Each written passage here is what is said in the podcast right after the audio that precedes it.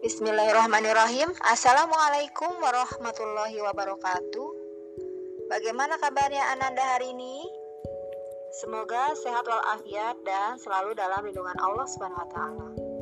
Pada kesempatan podcast kali ini, insya Allah saya akan memaparkan tentang definisi sistem per, sistem pernapasan atau sistem respirasi.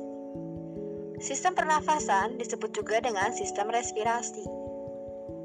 Bernapas merupakan aktivitas makhluk hidup melakukan pertukaran gas dengan lingkungannya. Respirasi merupakan proses metabolisme yang menghasilkan energi.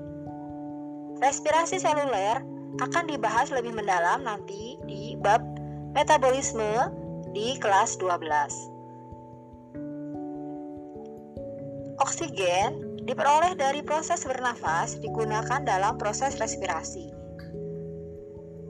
Sedangkan karbon dioksida yang dihasilkan oleh proses respirasi dikeluarkan melalui proses bernapas. Jadi, bernapas merupakan satu kesatuan yang tidak terpisahkan dengan respirasi. Oleh sebab itu, ada buku yang menyebut dengan sistem respirasi, ada juga yang menyebut dengan sistem pernafasan. Cuma di sini, jika membahas tentang respirasi, berarti lebih mendalam lagi.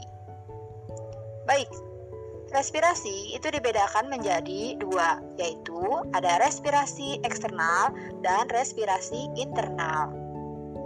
Apa itu respirasi eksternal? Respirasi eksternal adalah proses pertukaran gas antara atmosfer dan darah di dalam tubuh. Sedangkan respirasi internal adalah proses pertukaran gas yang ada di antara darah yang ada di dalam tubuh dengan gas yang ada di sel-sel tubuh, seperti di jaringan.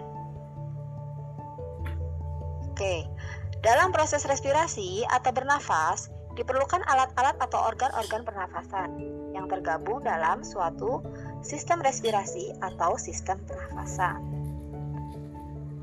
Oke, cukup sekian pembahasan tentang definisi pernafasan atau definisi respirasi. Saya akhiri, wassalamualaikum warahmatullahi wabarakatuh. Terima kasih.